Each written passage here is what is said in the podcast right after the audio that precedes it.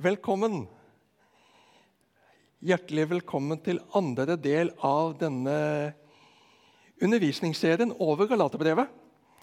Jeg syns det er stas å se god spredning i alder i forsamlingen. Det liker jeg godt. Og så syns jeg det er imponerende å se folk som har vært på dugnad her før i dag, kommer tilbake og øh, gyver løs på en undervisningsøkt. Det står det respekt av. Vi har tidsrammen fra sju til ni. Det kan godt hende vi blir ferdig før. Vi får se litt hvordan ting barker i vei. Men jeg har ambisjon om å komme gjennom faktisk to kapitler. Kapittel 2 og kapittel 3. Vi får se. Og så vil jeg gi rom for spørsmål, kommentarer til slutt. Hvis det er tid. Så er det jo strategi det å holde, bruke opp tida sjøl så det ikke er rom for spørsmål. Det er en måte å beskytte seg sjøl. Men jeg, jeg, tar sjansen som sist. Gir rom for spørsmål og kommentarer, innspill, med den eh, holdning og premiss at jeg har ikke på noen måte svar på alle spørsmål, men vi kan hjelpe hverandre og reflektere høyt i lag. Tenke høyt i lag. Det kan være fruktbart. La oss be. Takk, Jesus, for at vi har ditt ord. Takk for at vi får studere det, reflektere over det, gruble over det og prøve å pløye dypere inn i det. I dine sannheter, i ditt evangelium, for å vokse nærmere deg. Være mer og mer solid, grunnfesta i deg og formet av deg. Må det skje nå i kveld? må du med din gode Hellige Ånd åpne ordet for oss og åpne våre hjerter for ditt ord. Amen.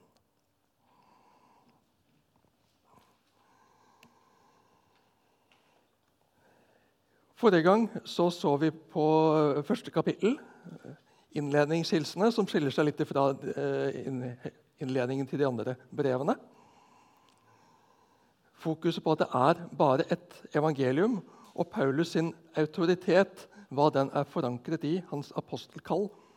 Og nå skal vi eh, begynne med på kapittel 2, vers 1-10, hvor det står om at Paulus blir anerkjent av de andre apostlene. Vi leser vers 1-10 i sammenheng først. 14 år senere reiste jeg igjen opp til Jerusalem sammen med Barnabas. Og jeg tok også Titus med meg jeg reiste dit pga. en åpenbaring.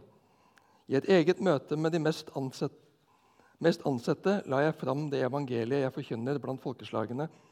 For jeg ville ikke løpe eller ha løpt forgjeves. Men ikke engang Titus, som var med meg, og som er greker, ble tvunget til å la seg omskjære. Dette kravet kom fra noen falske søsken som hadde sneket seg inn for å spionere på den friheten vi har i Kristus Jesus, så de kunne gjøre oss til slaver. Men ikke et øyeblikk ga vi etter og bøyde oss for dem, for vi ville at evangeliets sannhet skulle stå fast hos dere. Og de mest ansette, hvor store de er, betyr ingenting for meg, for Gud gjør ikke forskjell på folk. De stilte meg ikke overfor nye krav.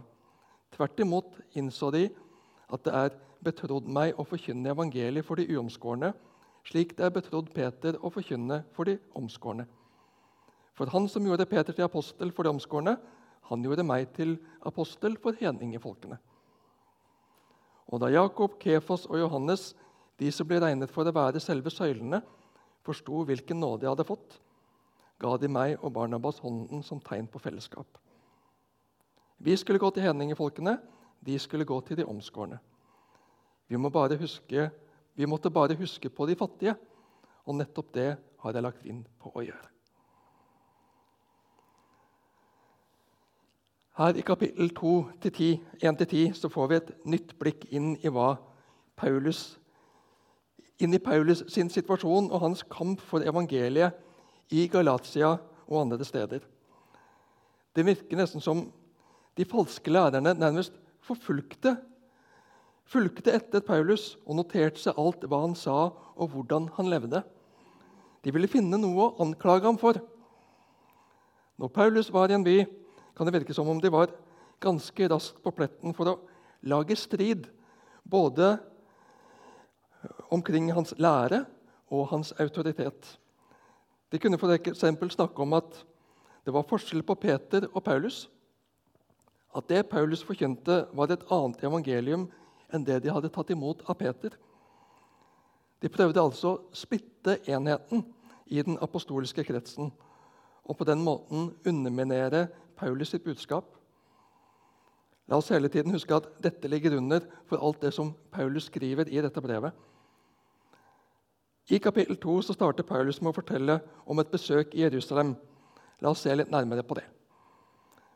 14 år senere reiste jeg igjen opp til Jerusalem sammen med Barnabas, og jeg tok også Titus med meg. Jeg reiste dit pga. en åpenbaring. I et eget møte med de mest ansette la jeg fram det evangeliet jeg forkynner blant folkeslagene, for jeg ville ikke løpe eller ha løpt forgjeves. Igjen opp til Jerusalem. Det betyr at han har vært der før, sammen med de andre apostlene. 14 år etter er nok regnet etter hans omvendelse og ikke etter første besøket i Jerusalem. De som reiste sammen med han, var Barnabas, en omskåret jøde, og Titus, en uomskåret hedning, altså en ikke-jøde. Titus var altså et produkt av hedningemisjonen, som judaistene, disse som krevde overholdelse av Moseloven og omskjærelse i tillegg til troen på Jesus, som de nå utfordret. Paulus, Barnabas og Titus reiste til Jerusalem pga. en åpenbaring, og ikke fordi apostlene hadde kalt dem inn på teppet. Jerusalem la de fram for apostlene dette evangelium som Paulus forkynte blant folkene. Paulus gjorde dette, og han skriver dette for at det ikke skulle være noen tvil blant judaistene eller andre at han gjorde det rette. Paulus var ikke selv i tvil. Han hadde forkynt det samme i 14 år, men han ville imøtegå judaistenes innflytelse. De skulle ikke kunne ha noe å anklage ham for. Det var en viss spenning knytta til dette besøket til Jerusalem og apostlene der. Hvordan ville lederne i Jerusalem se på hans forkynnelse? Hvordan ville de ta imot Titus? Ville de anbefale Paulus, eller ville de moderere hans forkynnelse over i jødisk retning? Her kommer svaret. Men ikke engang Titus, som var med meg, og som er greker, ble tvunget til å la seg omskjære. Dette kravet kom fra noen falske søsken som hadde sneket seg inn for å spionere på den friheten vi har i Kristus Jesus, så de kunne gjøre oss til slaver. Men ikke et øyeblikk ga vi etter og bøyde oss for dem, for vi ville at evangeliets sannhet skulle stå fast hos dere. Det var utfordrende av Paulus å ta med seg Titus, en hedning i betydningen ikke-jøde, som er blitt kristen. Ta med han inn i kirkens hovedkvarter. Fortsatt så er Kirken dominert av jødekristne. Og deres jødiske kultur og jødiske tenkning om at de er et utskilt folk, og andre folk er urene for dem, det ligger jo fortsatt i ryggmargen på dem. på sett og vis.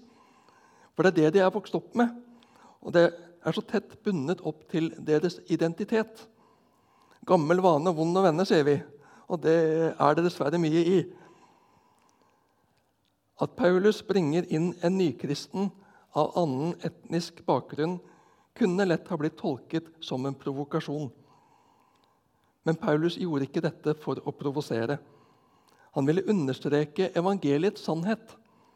At både jøder og hedninger aksepteres av Gud. Og både jøder og hedninger, jøder og folk av andre etniske grupper, er under samme vilkår ved at troen på Jesus rettferdiggjør begge folk, alle folk. Det kom ikke noe krav om omskjærelse av Titus. Hans var menneskeliggjøringen av stridsspørsmålet med judaistene. Dermed vant evangeliet en stor og viktig seier. Spliden mellom apostlene var bare en myte. De sto sammen. De holdt sammen. Deres lære var én. Friheten Jesus kom med, ble fastholdt. De som hevdet et annet evangelium enn det Paulus forkynte, var noen som hadde sneket seg inn i menigheten. De var mennesker som bare hadde navnet kristne, men som i realiteten var jøder. Og det de kom med, var bare en vei inn i slaveri. Trelldom igjen. Lovtrelldom. Og Titus han var prøvekaninen, på sett og vis. Det var sant at han var en, han var en uomskåret hedning, men han hadde omvendt seg til Jesus. Han var blitt gjenfødt og fått Den hellige ånd. Han var altså tatt imot av Jesus. Skulle apostlene og menigheten vedta noe annet? Det trengs ikke noe mer til menneskets frelse enn Guds nåde i Jesus Kristus.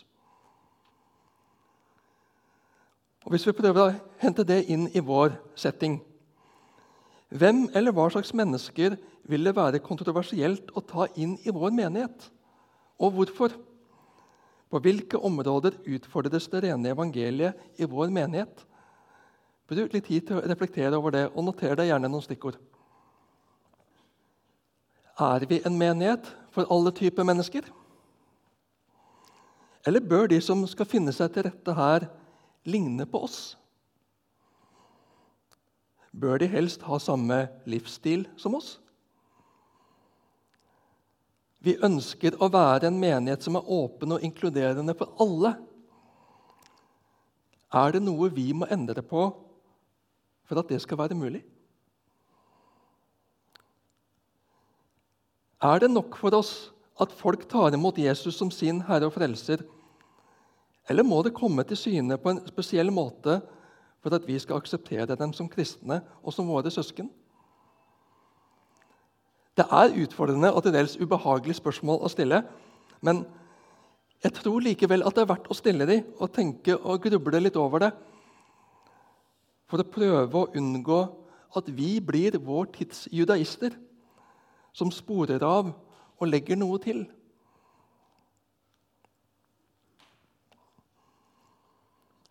Og de mest ansatte, hvor store de er, betyr ingenting for meg, for Gud gjør ikke forskjell på folk.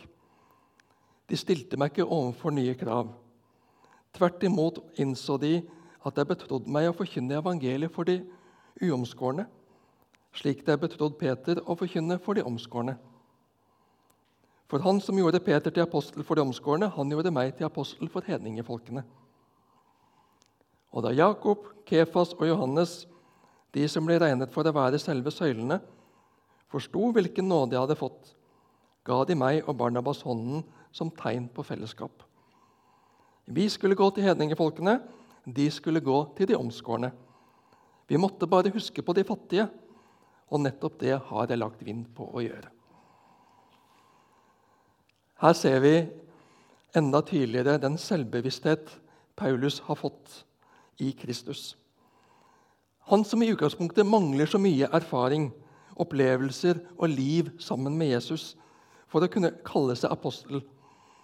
Han har nå fått en visshet om og bekreftelse på at han står på lik linje med de andre apostlene.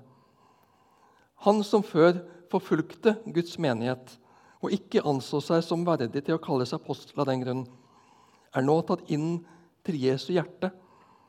Og de store i Jerusalem bekrefter det. I dette brevet navngir han til og med de personene som han hadde samtaler med i Jerusalem. Leserne kunne altså undersøke saken selv, reise dit og spørre stemmer dette. De han snakket med, det var Jakob, Herrens bror, Jesu bror, Peter, Kefas og Johannes. Altså selve søylene i det nye tempelet, Jesu Kristi kirke. De ga Paulus hånden, skrev han. Let's shake hands. Vi er enige. Dette er vi enige om. Vi hører sammen. Og Avtalen var at han skulle fortsette det han hadde begynt, nemlig å forkynne evangeliet for de uomskårne, altså ikke-jøder. Dette var et uhyre radikalt valg av den første kristne kirke. De la grunnlaget for all misjon blant hedninger i all framtid. En hedning, en greker, en nordmann, en amerikaner behøver altså ikke å bli jøde for å bli Jesu disippel. For evangeliet om Jesus, Messias, er egentlig det samme for jøder som for alle andre folk. Jødene kan heller ikke bli frelst ved loven. Moses kan aldri bli frelsesveien. Jesus har frigjort oss, og den friheten frir oss ut til å gjøre vel mot våre medmennesker. Og Nettopp dette er det siste Paulus får med seg fra Jerusalem. Husk de fattige. Her er det snakk om de fattige i menighetene i Judea. Senere i brevlitteraturen så ser vi akkurat det. Paulus han organiserer innsamlinger fra de velstående menighetene i Makedonia og Akaya for å understøtte de fattigere menighetene i Judea. Han betrakter gaven deres som et uttrykk for den enhet som nå finnes mellom omskåret og uomskåret. Underet i Kristus de som sto så langt fra hverandre, som ikke skulle ha noe med hverandre å gjøre, er nå ett folk i Kristus. Underet i Kristus. Og til ettertanke for oss hvordan kommer omsorgen for de fattige, som skal gå hånd i hånd med evangelieforkynnelsen, til uttrykk i og ut fra vår menighet? Hva gjør vi for de fattige?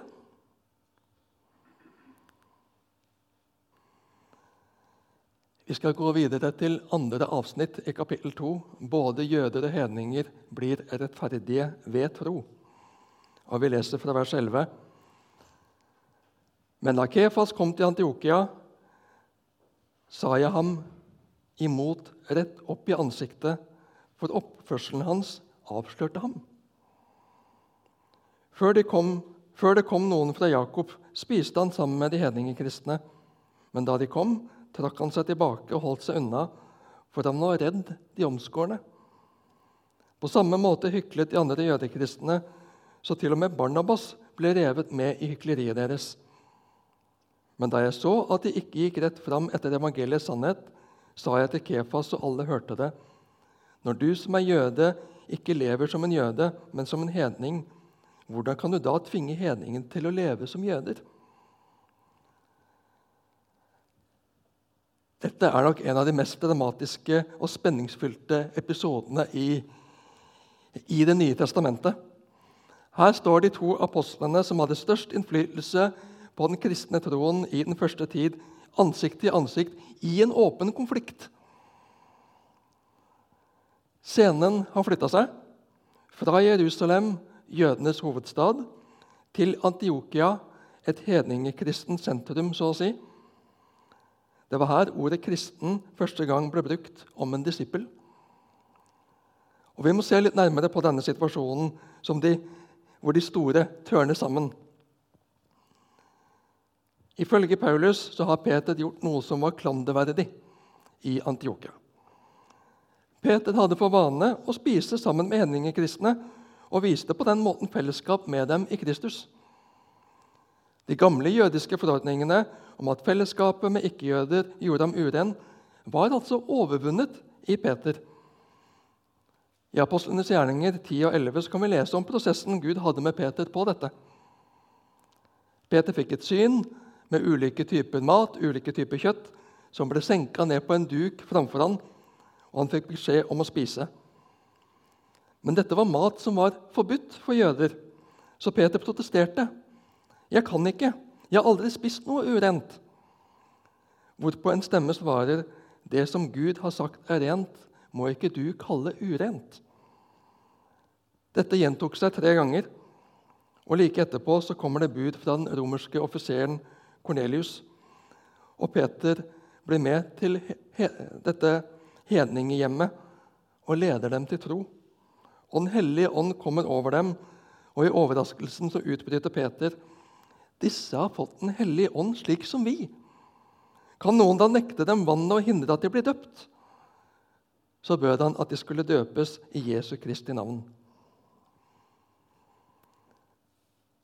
Nå gledet Peter seg over bordfellesskapet med sine søsken av annen etnisk opprinnelse.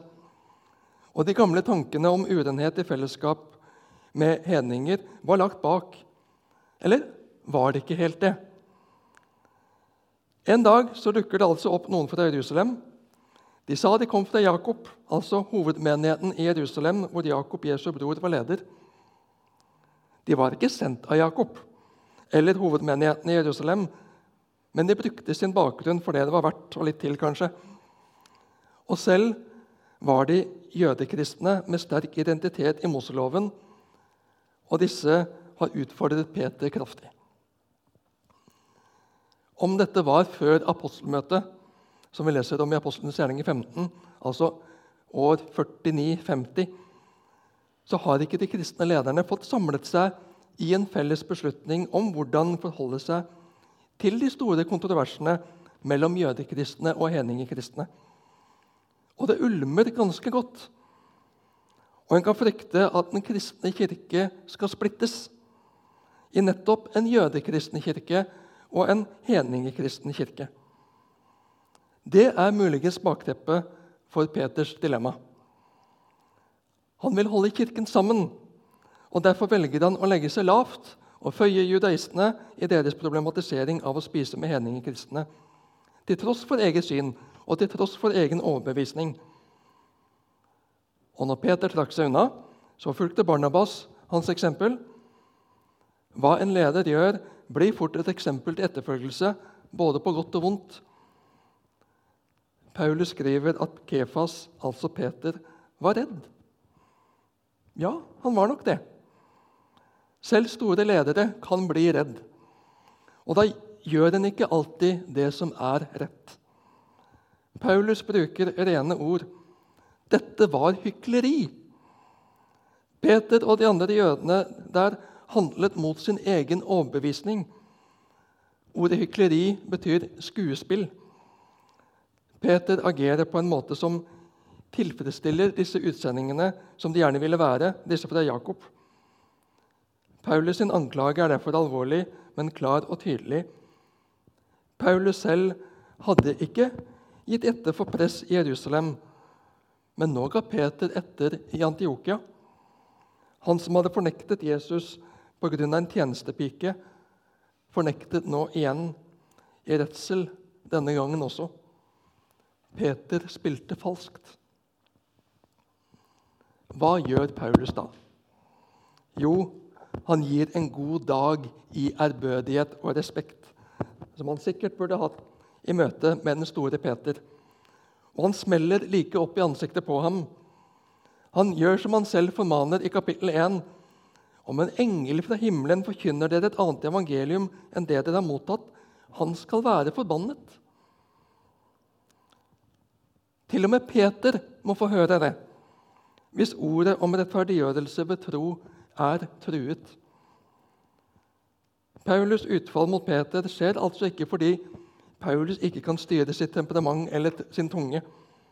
Heller ikke fordi han elsker diskusjoner, eller fordi han så på Peter som en rival. Men fordi selv Peter nå var i ferd med å bli lurt av judaistene til å bryte med det helt avgjørende prinsippet i Jesu lære, nemlig frelse ved troen alene. Her kreves ikke mer enn det Kristus allerede har tilveiebrakt. Denne striden mellom Paulus og Peter har for alltid lært oss følgende Vi må leve som evangeliet lærer. Evangeliet kommer til uttrykk eller blir forkludret ikke bare gjennom hva vi lærer, men også gjennom hvordan vi lever.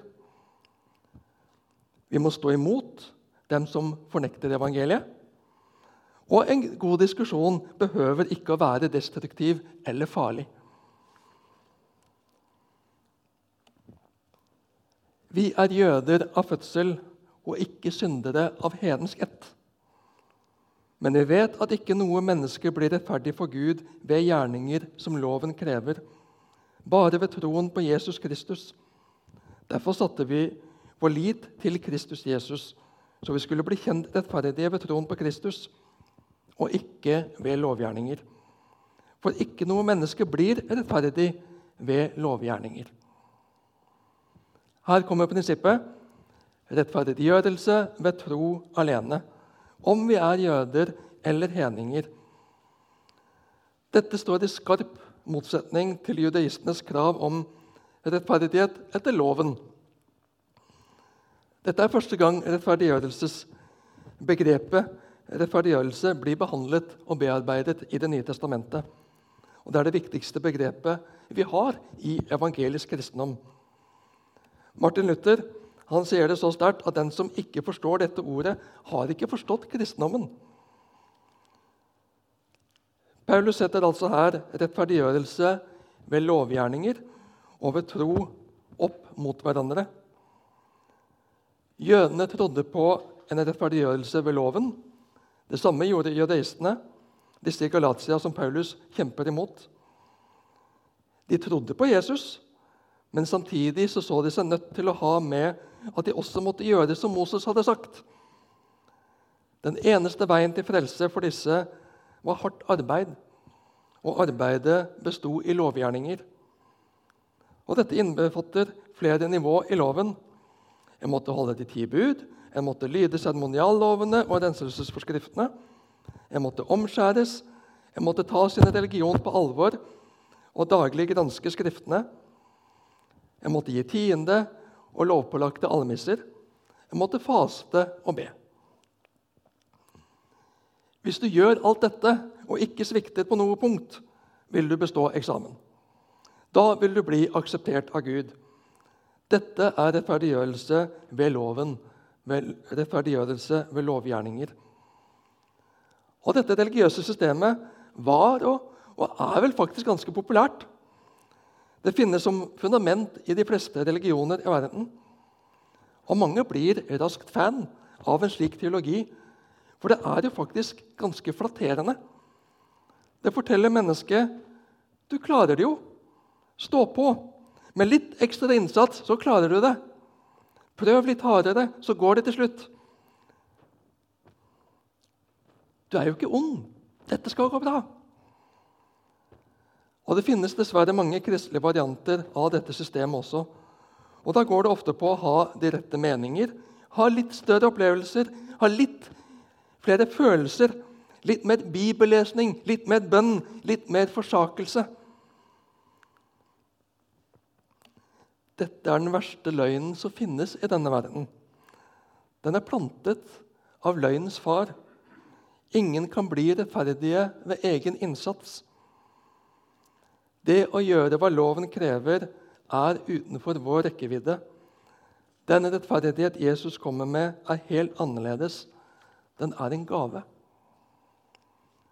Jesus er den rettferdige, og hans rettferdige liv gis til oss, til alle som tar imot. Som tenåring så strevde jeg ganske lenge med dette med frelsesvisshet. Hvordan kan jeg vite at det er en kristen? Og Et favorittvers var da, og det er det fortsatt, Johannes 1,12.: Alle som tok imot ham, dem ga han rett til å bli Guds barn, de som tror på hans navn. Men hvordan kan jeg vite at jeg tror? Hvordan kan jeg vite at jeg tror nok? Hvordan kan jeg vite at jeg tror rett? Jeg skjønner jo nå i ettertid at jeg gjorde troen til en gjerning. Jeg gjorde troen til en prestasjon. Det var når jeg lærte å fokusere på troens gjenstand, på troens objekt, framfor troens handling, at jeg fikk fred. Troen er ingen gjerning eller noe en skal prestere. Det er ikke noe en skal stille opp med, det er ikke noe en skal få til. Troen er på en måte bare mottakerapparatet i oss. Alt som derfor kreves av oss for å bli rettferdige, er en erkjennelse av vår hjelpeløshet. Vår hjelpeløshet og synd overfor loven, og en omvendelse fra vår egen selvgodhet til Han som frelser oss fullt og helt. Martin Luther sier at vers 16 må dunkes inn i hodet på oss. Men vi vet at ikke noe menneske blir rettferdig for Gud ved gjerninger som loven krever, bare ved troen på Jesus Kristus. Og et spørsmål til ettertanke igjen. Eller to, faktisk. Hva er det som fortest og oftest slår inn i ditt liv som noe som kommer i tillegg til troen på Jesus? Hvordan vil du stanse denne løgnen fra løgnens far? Gruble litt på det og noter for deg sjøl. Derfor satte også vi vår lit til Kristus Jesus, så vi skulle bli kjent rettferdige ved troen på Kristus, og ikke ved lovgjerninger. For ikke noe menneske blir rettferdig ved lovgjerninger. Vi går videre, kapittel 2, vers 17-21. Men hvis også vi jøder blir stående som syndere når vi vil bli rettferdige i Kristus, er ikke Kristus da blitt en tjener for synden? Slett ikke. For hvis jeg bygger opp igjen det jeg har revet ned, da fremstår jeg som en lovbryter. Ved loven døde jeg bort fra loven, så jeg kan leve for Gud. Jeg er korsfestet med Kristus. Jeg lever ikke lenger selv, men Kristus lever i meg. Det livet jeg nå lever som menneske av kjøtt og blod, det lever jeg i troen på Guds sønn, som elsket meg og ga seg selv for meg. Jeg forkaster ikke Guds nåde. For hvis vi kan oppnå rettferdighet ved loven, da døde jo Kristus til ingen nytte. Her fortsetter Paulus å liksom diskutere med sine meningsmotstandere, judaistene. Hvis vi skal prøve å reformulere formulere vers 17-20 med egne ord, så kunne det kanskje blitt noe slikt. Først refererer Paulus judaistenes innvending. Din lære om rettferdiggjørelse ved tro på Kristus alene, uten å bry seg om loven, det er en farlig sak. Det svekker menneskers sans for moralsk ansvar på en fatal måte. Hvis du kan bli frelst ved bare å tro uten å vise de gode gjerninger, så oppmuntres det egentlig til lovbrudd. Til å ikke bry seg om loven. Og hvis Gud rettferdiggjør dårlige mennesker, hva er da poenget med å være god? Kan vi leve som vi vil, og bare be om tilgivelse etterpå? Paulus sitt første svar til sine kritikere høres slik ut. Nei, slett ikke. Jeg gjør ikke Kristus til en tjener for synden. Tvert imot. Jeg er selv en overtreder. Hvis jeg etter min omvendelse fremdeles er en synder, er det min feil og ikke Kristus sin feil. Jeg har bare meg selv å klandre i tilfelle jeg fortsetter å leve i synd. Å hevde at rettferdiggjørelse ved tro oppmuntrer til å fortsette å synde, er bare latterlig. Dere har fullstendig misforstått. Det er nemlig ikke slik at det kun er vår status som er endret i rettferdiggjørelsen. Men vi er jo også blitt forent med Kristus. En som er forent med Kristus, blir aldri den samme igjen. Han forandres. Det er altså ikke bare stillingen overfor Gud som endres i rettferdiggjørelsen, men også personen. Jeg lever ikke lenger selv, men Kristus lever i meg. To ganger i vers 19 og 20 så bruker Paulus begrepet 'død og oppstått'. Å bli en kristen handler om å dø med Kristus og å oppstå med Han. Paulus sier her jeg kan ikke bli dømt av loven lenger, for jeg er død for loven. Jeg ble korsfestet med Kristus. Så når loven kommer og sier at jeg er skyldig, så kommer den for seint. Og lovens krav om død ble tilfredsstilt i Jesu død. Han døde i mitt sted. Derfor er jeg korsfestet med Kristus. Det vil si at jeg har del i hans syndebærende død slik at min syndige fortid blir slettet ut. Derfor lever jeg ikke lenger selv, men Kristus lever i meg. Det er en oppstandelse og et nytt liv også i det å bli en kristen. Og det nye livet leves i troen på Guds sønn, som ga seg selv for oss. Skjønner dere nå at det å bli en kristen ikke er å fortsette med det gamle livet og leve i synd? Er det som han sier til judaistene. Når Jesus lever i oss, gir han oss en ny trang til å leve hellig og nytt. Ikke slik at vi ikke faller i synd mer, men vi vil det ikke lenger. Hele livsinnstillingen og livsinnholdet blir forandret. I vers 21 kommer Paulus til slutt med det sterkeste argumentet i dialogen med judaistene. Jeg forkaster ikke Guds nåde. For hvis vi kan oppnå rettferdighet ved loven, da døde jo Kristus til ingen nytte. De to grunnsteinene i den kristne religion, eller den kristne tro, jeg liker det uttrykket bedre, det er Guds nåde og Kristi død. Det kristne evangeliet er evangeliet om Guds nåde. Den kristne tro er troen på Jesus korsfestet. Den som hevder at man kan bli rettferdiggjort av gjerninger, egne valg og anstrengelser, forkaster nåden og overflødiggjør Kristi død. Så radikalt ødeleggende er judaistenes tilføyelser. Det kan vi ikke akseptere. Her er det ingen muligheter for kompromiss.